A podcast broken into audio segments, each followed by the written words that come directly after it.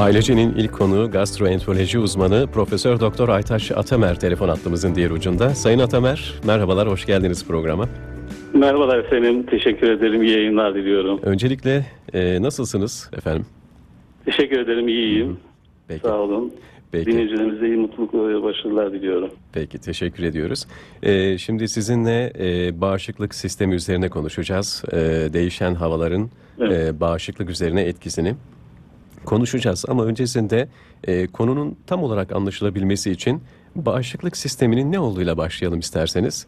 E, sonrasında devam edebiliriz. Nedir bağışıklık sistemi, nelerden etkilenir? Evet, bağışıklık sistemi vücudumuzun direncidir. Bağışıklık sistemi doğal olan bir bağışıklık sistemi ve kazanılmış bağışıklık sistemi olmak üzere ikiye ayrılmaktadır. Normal koşullarda vücudumuz herhangi bir bakteri, virüsle karşılaştığı zaman immün sistemimiz devreye girmekte ve bunu alt etmektedir. Ama vücudumuzun immün sistemi yani bağışıklık sistemi zayıf olduğu zaman çeşitli hastalıklara yakalanmaktayız. Hı hı. O yüzden e, bağışıklık sisteminin güçlü olması sağlıklı olmamızla doğru beslenmemize direkt bağlantılıdır. Hı hı. Peki e, Sayın Atamer, mevsim geçişlerine e, şöyle bir bakabiliriz. Hastalık sezonu olarak biliyoruz. Yani hep toplum arasında böyle konuşulmuştur. İşte bahardan e, yaza geçişlerde veya yazdan sonbahara geçişlerde hep hastalık sezonudur. Peki e, neden böyle deniyor? Yani değişen hava şartları vücudu nasıl etkiliyor veya etkiliyor mu? Evet. Mevsim geçişlerinde genellikle kendimizi halsiz hissederiz. Hı hı. Genellikle bu süreçte başta üst solunum yolu enfeksiyonları olmak üzere farklı hastalıklara yakalanırız. Bunların farklı nedenleri vardır. Çünkü çoğumuz hava sıcaklıklarının bir düşüp bir yükseldiği günlerde ne giyeceğimizi bilemeyiz. Hal böyle olunca da ya üşütüp hasta oluruz ya da tenimizdeki ter yüzünden çeşitli rahatsızlıklara yakalanırız. Esasında bunun görünen sebebi altta yatan bağışıklık sistemimizin dengesidir. Çünkü mevsim geçişlerinde biz farkında olmasak dahi vücudumuz bir strese girer. Bir artıp bir azalan hava sıcaklıkları, hava basıncı ve iklim koşulları nedeniyle vücut bunu uyum sağlamaya çalışır. Bu da strese yol açar ve vücut direncimizi stres düşürmektedir. Hava şartlarındaki ani değişme vücut ısı düzenleme mekanizmasını da hazırlıksız yakalar. Bağışıklık sistemimiz ile ısı mekanizması birlikte çalıştığı için immün sistemimiz zayıflamaktadır. Özellikle hava değişikliklerinde havada artan ve değişen nem oranları, havadaki partiküller de hastalığa yakalanmamıza neden olur. O nedenle bağışıklık sistemimiz ne kadar güçlü ise hastalıklara daha az yakalanmaktayız. Hı hı. Bu nedenle bağışıklık sistemimizi güçlendirmemiz gerekmektedir. Peki e, nasıl güçlendireceğiz Sayın Hocam? Devam edelim. E, bunun bir formülü var mı? E, neler yapacağız bağışıklığı güçlendirmek için? Böyle biraz detaylandıralım bunu. Peki. Ee, bağışıklık sistemimizin güçlendirilmesi için tek bir formül yok. Birden çok formüller var. Bunların başında ilk önce yeterli ve dengeli beslenmemiz gere- gerekmektedir. Taze sebze ve meyve tüketmemiz gerekmektedir. Özellikle çinko, magnezyum ve selenyum bağışıklık sistemimizin güçlendirmesinde önemli rol oynar. Çinko nerede bulunur diyecek olursak kırmızı et, tam tahıllı ekmekler, sert kabuklu kuru yemişler, kabuklu deniz ürünleri çinko bakımından zengindir. Aynı zamanda ay çekirdeği, pekmez, balıklar, tavuk, hindi, yumurta, süt ve süt ürünleri de selenyumdan zengindir. Ceviz, balık, avokado, fındık ve badem gibi besinler içlerinde bulunan omega 3 ve benzeri yağlar nedeniyle bağışıklık sistemimizi güçlendiriliyoruz. Esasında en önemli kaynağı güneş ışını olmasına yanında hamsi, istavrit, somon ve ton balıkları da D vitamini içeren önemli kaynaklardandır. Bunlar sadece gıdayla olacak işler değildir. Bunun yanında bol miktarda su tüketmemiz gerekmektedir. Günde en az 2 litre su tüketmek gerekmektedir. Tabii ülkemizde çay çok sevilmekte ve çok tüketilmektedir. İnsanlar ben çay içiyorum su içmeye ne gerek var diye düşünmektedir. Ama tam tersine çay beraberinde idrar söktürücü özelliği de vardır ve vücuttan su kaybına yol açmaktadır. Bu nedenle suyu içmemiz gerekmektedir. 2 litre su. Bunun dışında e, içine şeker katarak hazırlanmış e, meyve suları ve gazlı içeceklerden uzak durmakta fayda var. E, bunun dışında bol ayran, kefir gibi doğal gıdalar tüketebilir. Tabii yaşadığımız bu koronavirüs nedeniyle toplumsal bir alışkanlık haline gelen, kaybetmeye başladığımız bu sık elleri yıkama alışkanlığımızı lütfen devam ettirelim. Bunlar da hem bağışıklığımızı güçlendirmemize, enfeksiyonlara daha az yakalanmamıza neden olmaktadır. Bunun dışında düzenli egzersiz son derece önemlidir. Düzenli egzersiz yaptığımız zaman vücuttaki bağışıklık sistemimiz aktive olmaktadır.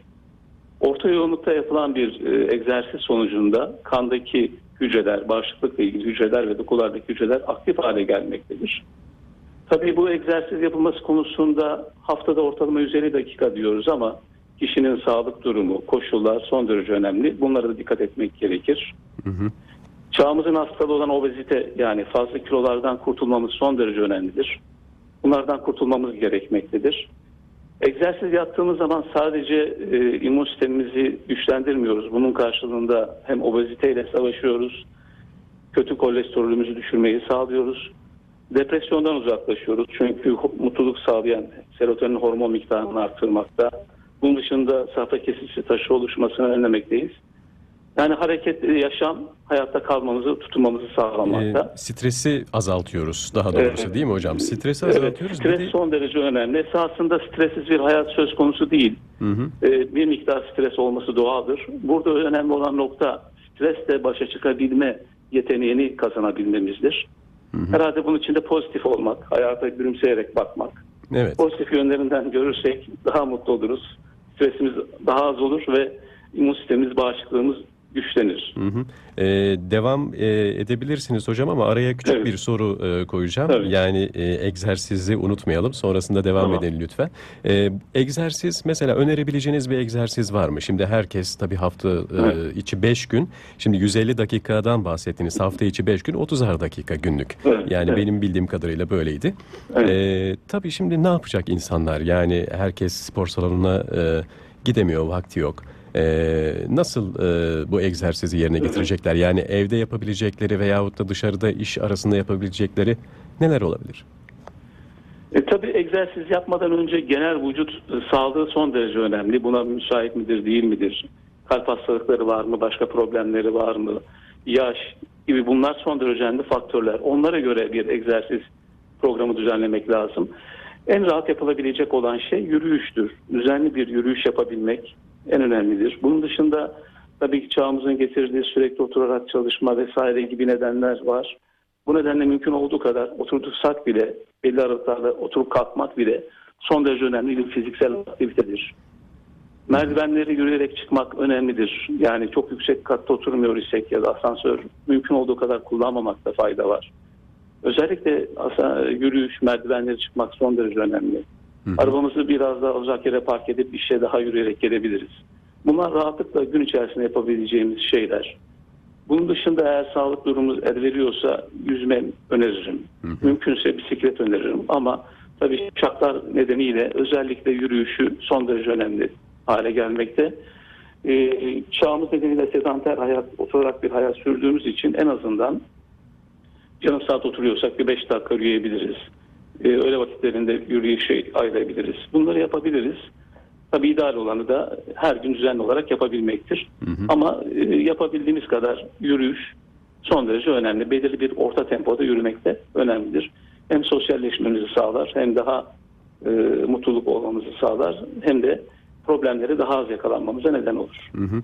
Şimdi e, bol su içeceğiz dedik. E, Evet. Biraz dengeli beslenmekten bahsettik. Belki ona birazdan süremiz kalırsa biraz daha girebiliriz dengeli ba- beslenmeye.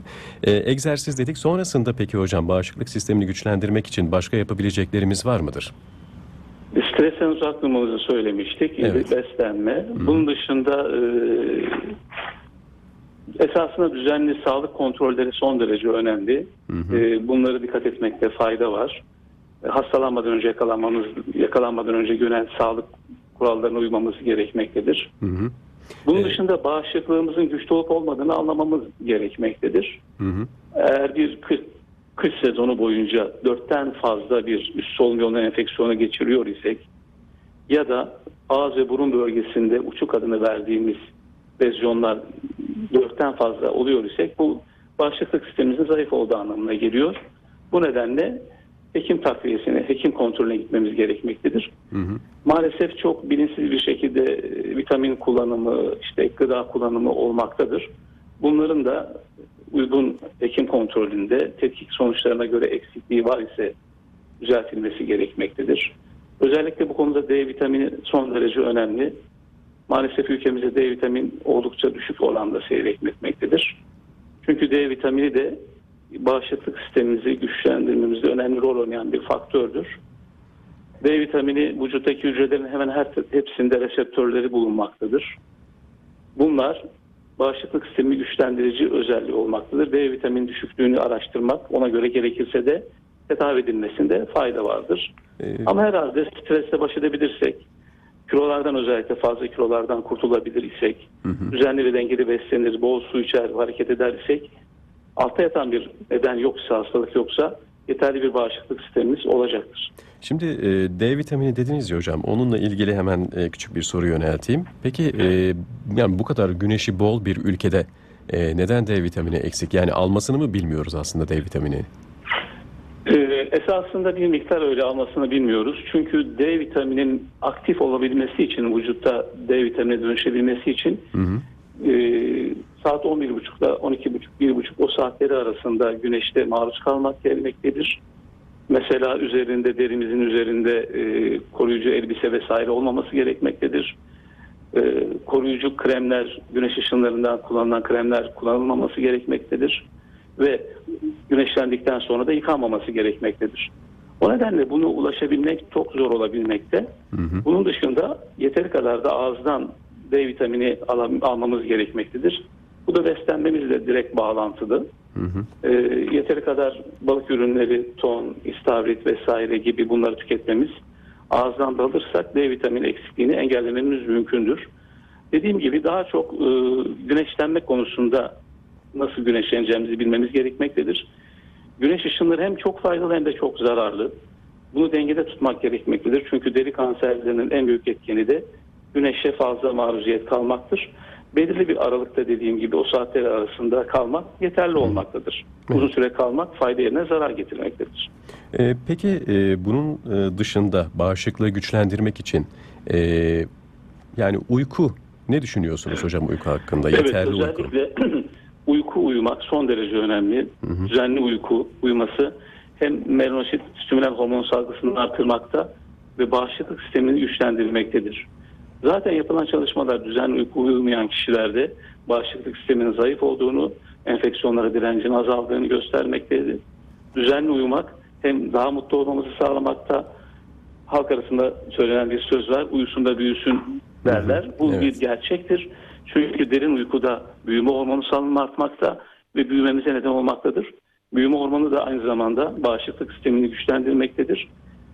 Birden çok faktör iç içe girifte olduğu için hepsi birbirine bağlıdır. Düzenli uyku, derin uyku hem güçlü bir bağışıklık sistemi hem daha mutlu olmamızı sağlamakta, sabah kendimizi daha dinç, dinç kalkmamızı sağlamakta, daha çok büyümemizi sağlamaktadır. Özellikle çocuklar ve gençlerin uyku konusunda son derece önemli olmakta.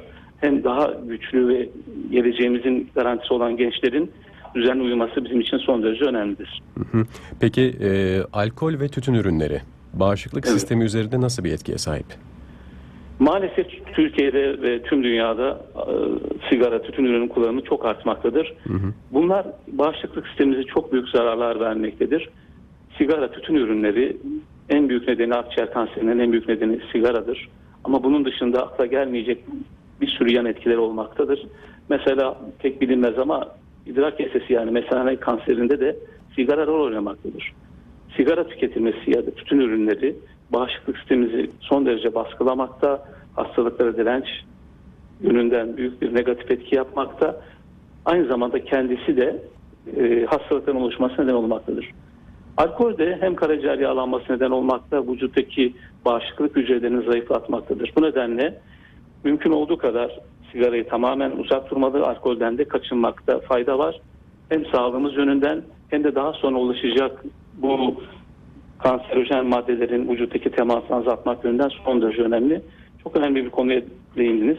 Özellikle mümkün olduğu kadar sigaradan içmeyelim, alkolden de uzak duralım. Ee, temiz havalarda sigarasız bol yürüyelim. Peki. Şimdi e, Sayın Hocam e, dengeli beslenme hakkında biraz konuştuk. Yani vücuda bağışıklık sistemini güçlendirici, e, vücudu güçlendirici e, besinlerden bahsettik. Bir de Evet. e, bazı gıdalar var mı acaba e, kaçınmamız gereken? Yani bağışıklık sistemi Evet. için e, güzel olmayan diyelim, onu beslemeyen, onun için zararlı olan e, besinler var mı?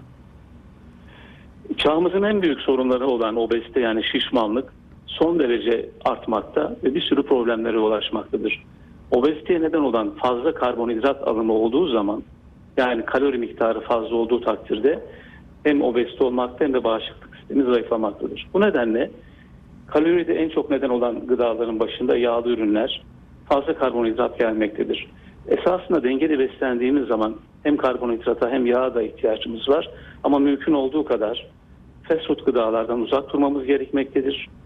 Ee, bunun dışında rafine gıdalardan uzak durmamız gerekmektedir. Çünkü bunların içerisindeki doymamış yağ oranı artmakta ve ateroskleroz dediğimiz damar sertliğine yol açmakta, immün sistemi zayıflatmaktadır. O nedenle mümkün olduğu kadar ev yemekleri, tava yemekleri tercih edilmeli. Mümkün olduğu kadar yağ azaltmalı. Yağ olarak daha çok zeytinyağı tercih edilmeli. Bunun dışında tuz tüketimi azaltılmalı.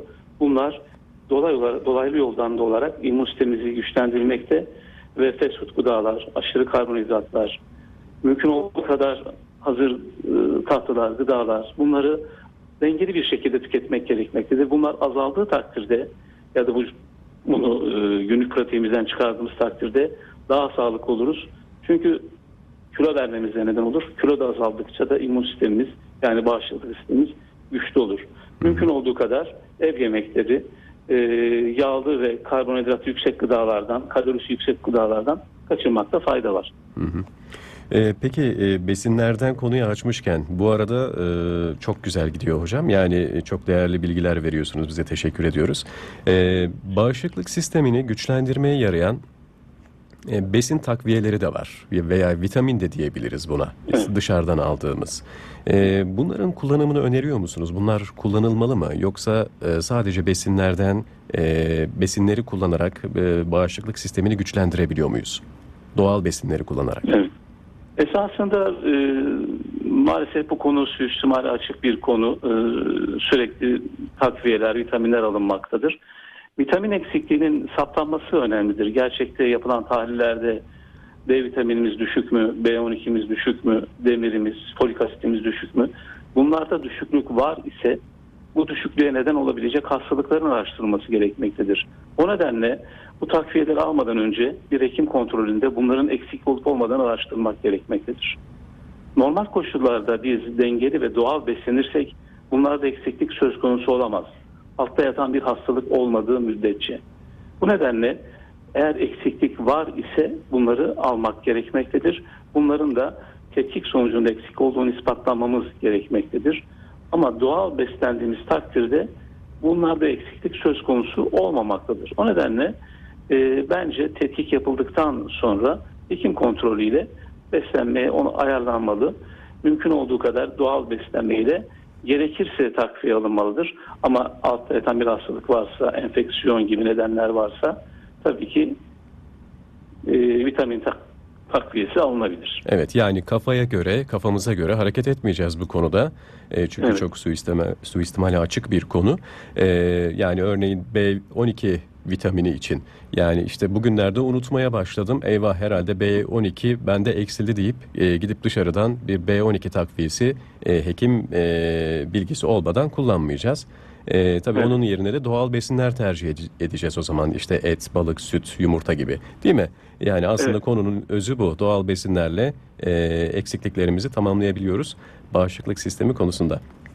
Şimdi Dediğiniz peki gibi vitamin B12 eksikliği çok nadir görülen bir durum. Eğer altta Evet. yatan bir hastalık yok ise e, kolay kolay olmaz. Ama dediğimiz gibi tetiklerde düşük ise Hı hı. her şeyin doğrunu tercih etmek lazım. Sonuç olarak tüm ilaçlar kimyasal maddelerdir.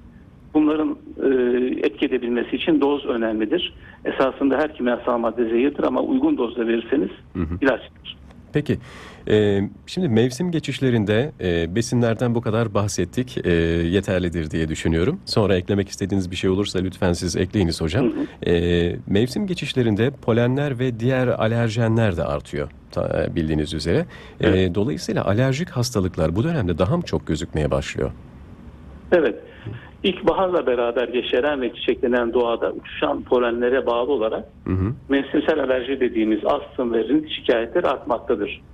Alerjik büyülü insanlar bu dönemlerde özellikle gene hekim tavsiyesiyle alerji ilaçlarını alması gerekmektedir.